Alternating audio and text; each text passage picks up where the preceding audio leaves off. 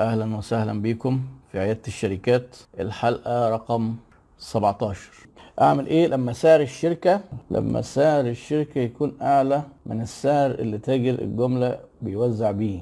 آه يعني أنت عندك شركة بتنزل لتجار الجملة وتجار الجملة بيبيعوا حاجتك أرخص. هو على فكرة ده مش غلط. ده مش غلط. المصانع اللي بتعتمد على موزعين ممكن جدا تدي خصومات لتجار الجملة وتبيع هي أغلى. وقتها ما بيبقاش هدفها من البيع أرقام كبيرة بيبقى غالبا أكتر من ال 90% من مبيعاتها عن طريق موزعين. فهي موجودة بس علشان الموزعين بتوعها آه، تحط سعر وهم ممكن ينزلوا عنه وفي ساعات ده بيبقى مقصود. يعني انت بقى لو بياع في شركة من دول ممكن تبقى انت مزنوق ان انت مش عارف تبيع. بس هتلاقي في ناس بتفضل تتعامل مع الشركة وفي ناس بتفضل يقول لك أكبر تعاملاتي يمكن آخد موزع معتمد بعد فترة. وتحاول. إيه تشوف الأماكن اللي الموزعين مش مغطيينها في, في, في الأريا بتاعتك. آه، وهكذا. آه، الأخ الجوهري عبد الله ألف مبروك. آه، 100000 وعلى فكرة إحنا دخلنا في 104 دلوقتي. يعني خلاص ال 100 100 دي ادمت. إحنا رايحين على المليون بقى إن شاء الله. مش عارف ال... يعني الواحد شايفها برضه بعيدة جدا. فلكن ده إحنا موجودين وبنعمل اللي علينا يعني. والمحتوى الجاد سيء الحظ. آه، ماجد ماجد مسلم منور يعني.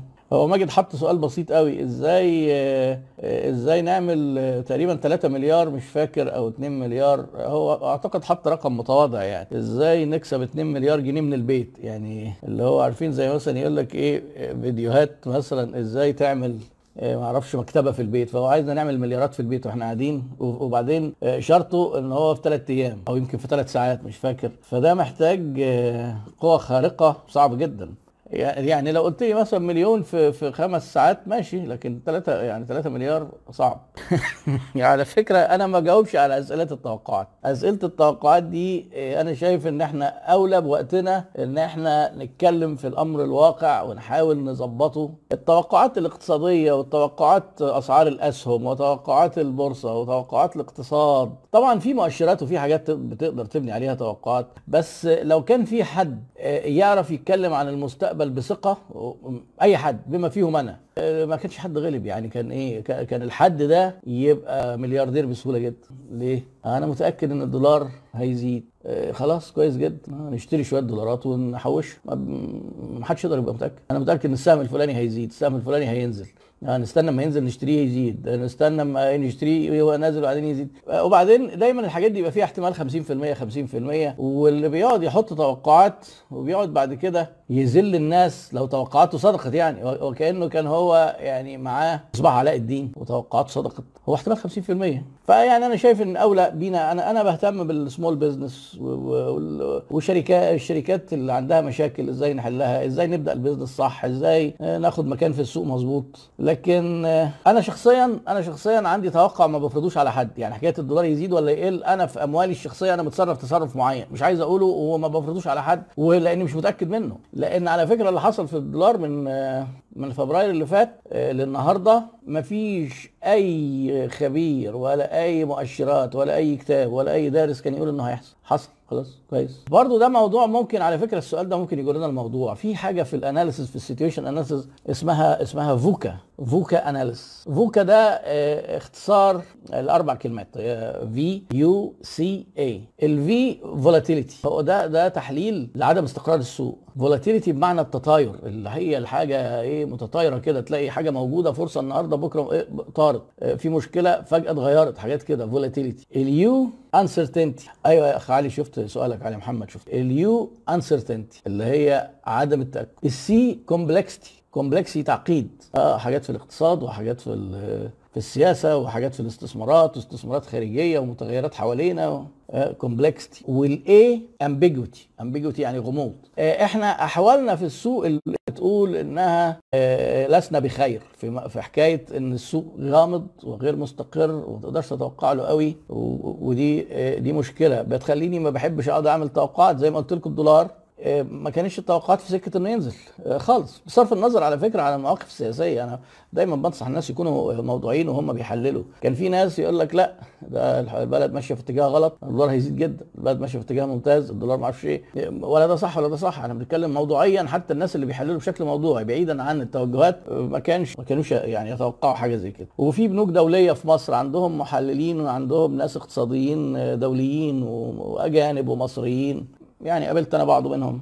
ما كانش حد منهم متوقع الكلام ده. فيعني يعني في فرق ما بين إن إحنا نحاول ننقل آه، معرفة وإن إحنا آه، نضرب الودع فما بنحبش يعني أنا ما بحبش أضرب الودع خلينا إيه في في الحاجات اللي لينا control عليها. يعني ما تبقاش حضرتك مثلا مش ظابط الحسابات جوه في شركتك ما عندكش marketing ما عندكش branding وتبقى فارق معاك قوي الدولار هيعمل إيه والسوق رايح فين. كل ده نوع من الاسقاطات ان إحنا مشاكلنا بسبب السوق وان إحنا احوالنا هتتحسن لو السوق اتحسن. احب أقول لكم نفس السوق اللي انت حضرتك إيه بتتكلموا عليه ده في شركات بتكبر وبتتحسن جدا فيه. كان في سؤال أنا شفته من شوية الأخ علي محمد اليوم أخدت كورس على Lynda أنا بتهيألي أنت بعت لي السؤال ده في حتة. آه كويس شكلك كده نفسك اتفتحت للتحليلات المالية. ال DuPont framework يعني ده فعلا صعب يتشرح معقد شوية ومحتاج نقعد نرسمه لأن في نسب واختصارات وبسط ومقام ولازم الناس الكبيرات المحاسبية اللي هنتكلم عليها. فيعني اعذرني أنا ممكن أبقى أعمل له فيديو لوحده. يعني ده آه،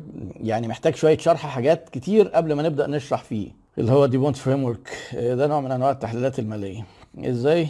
نتنافس في سوق منتشر فيه ال outsourcing خارج البلد بأقل من ربع السعر بالنسبة للعميل في مجال ال software development. لا أنا مش فاهم ال outsourcing أنت إزاي مش قادر تنافس في ال outsourcing يعني إزاي؟ يعني معلش وضح لي السؤال تاني لأن ده بالنسبة لي موضوع برضو يعني مهم. يعني أنا عايز أقول لك أنا ممكن أكون فهمت حاجة من السؤال ما أعرفش صح ولا غلط. إحنا دلوقتي في مصر سوق ال software على فكرة من الأسواق الواعدة والحاجات اللي مثلا حسنت اقتصاد الهند أو ساهمت في اقتصاد الهند كويس قوي موضوع ال technology وال software لأن ال software انت مش محتاج معمل أبحاث رهيب. مش محتاج ميزانية ورعاية حكومية ضخمة. لا انت محتاج شباب يكون عندهم دافع يشتغلوا على نفسهم يتعلموا ال programming. يكون مخهم نظيف شوية فاهمين عندهم logic ويبدأوا يعملوا إيه analysis لل software اللي عايزين يعملوه. يبدأوا يشتغلوا. ممكن يطلعوا منتجات منافسة فعلا. يعني إحنا لينا ميزة تنافسية في القصة دي. آه، بس الوضع اللي حاصل إيه؟ عشان مستوى سوق التعليم أو أو يعني التعليم في مصر آه، المخرجات بتاعته ضعيفة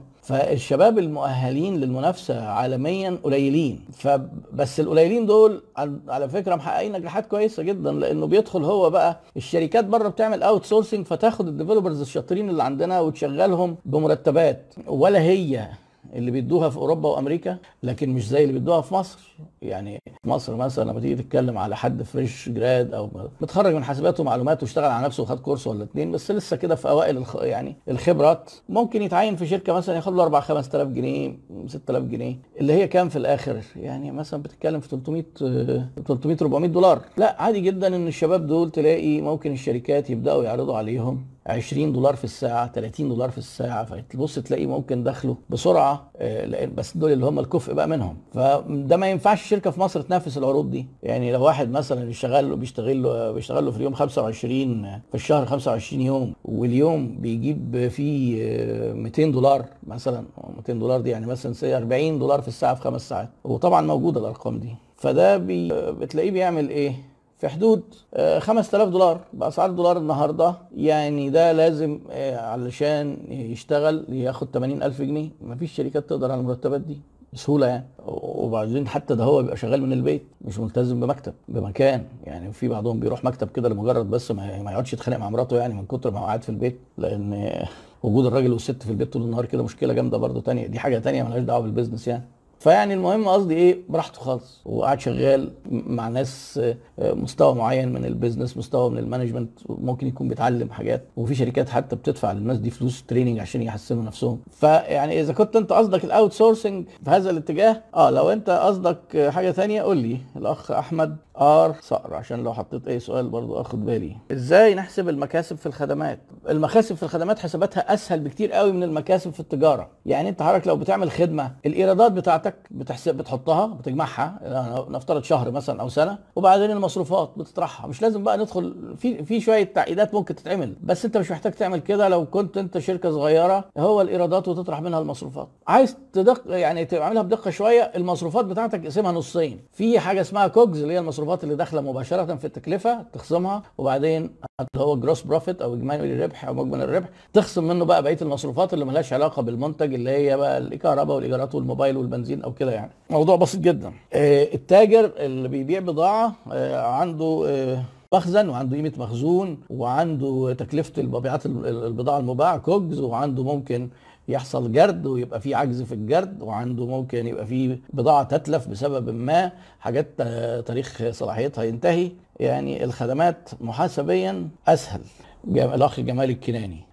ممكن شرح لخطابات الضمان المصرفيه إيه، خطابات الضمان هو انت حضرتك دلوقتي يعني إيه خطاب ضمان؟ جواب البنك بيكتبه ان هو بيضمن شركة في مبلغ معين ده ببساطة يعني. بيسموه ال LG أو letter of guarantee خطاب الضمان. لو انت حضرتك مثلا هنفترض شركة مقاولات وشركة المقاولات دي دخلت مناقصة والمناقصة مطلوب ليها آه، مثلا تأمين مبلغ كبير. لو انت حضرتك مش عندك المبلغ ده مش هتعرف تدخل المناقصة. طيب المبلغ ما بيبقاش يعني بيبقى كبير ممكن تتصرف انت فيه وتقوم جاي متصرف في الضمان في خطاب آه، تدفع نقدي.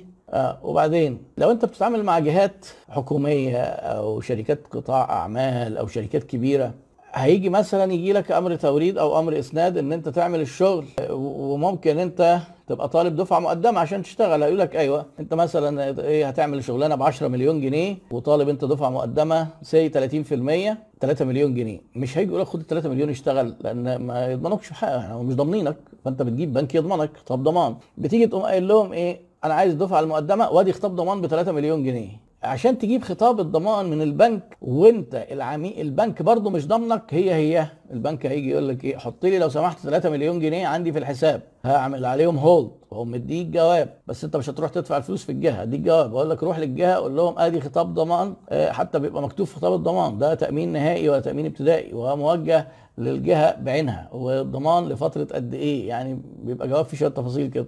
وفي الحالة دي هم يدوك دفعه مقدم. بس إحنا كده ما عملناش حاجة. لو أنت بقى عميل ائتمان في البنك يعني البنك بدأ يعمل تحري عنك وأنت قدمت طلب لإدارة الائتمان وقلت لهم أنا عايز ائتمان والائتمان صوره كتير. في ناس متخيلة إن هو إيه أنا أروح البنك يعني أنا أروح أخد قرض بس. لأ أنا ممكن آخد ائتمان في صورة تغطية خطابات ضمان. يقول لك مثلا إحنا ممكن نغطيك في خطابات ضمان لحد 2 مليون جنيه لما يطمنوا إن أنت موجود وشغال. فييجوا يقول لك إيه آدي هنغطيك في خطابات الضمان وممكن تتعامل مع كذا بنك. آه، وقتها في الحالة دي بيحصل إيه؟ بتدفع أنت رسوم للبنك ما بتحطش نقدي بتاخد الورقة تديها للجهة والجهة تديك فلوس نقدي تبدأ تشتغل بيها وبعدين آه تقعد تعمل مستخلصات. مثلا بديك مثال يعني وتاخد فلوسك لحد ما تخلص وبتاخد خطاب الضمان. يعني آه هو ده ده باختصار كده خطاب الضمان أو ال جي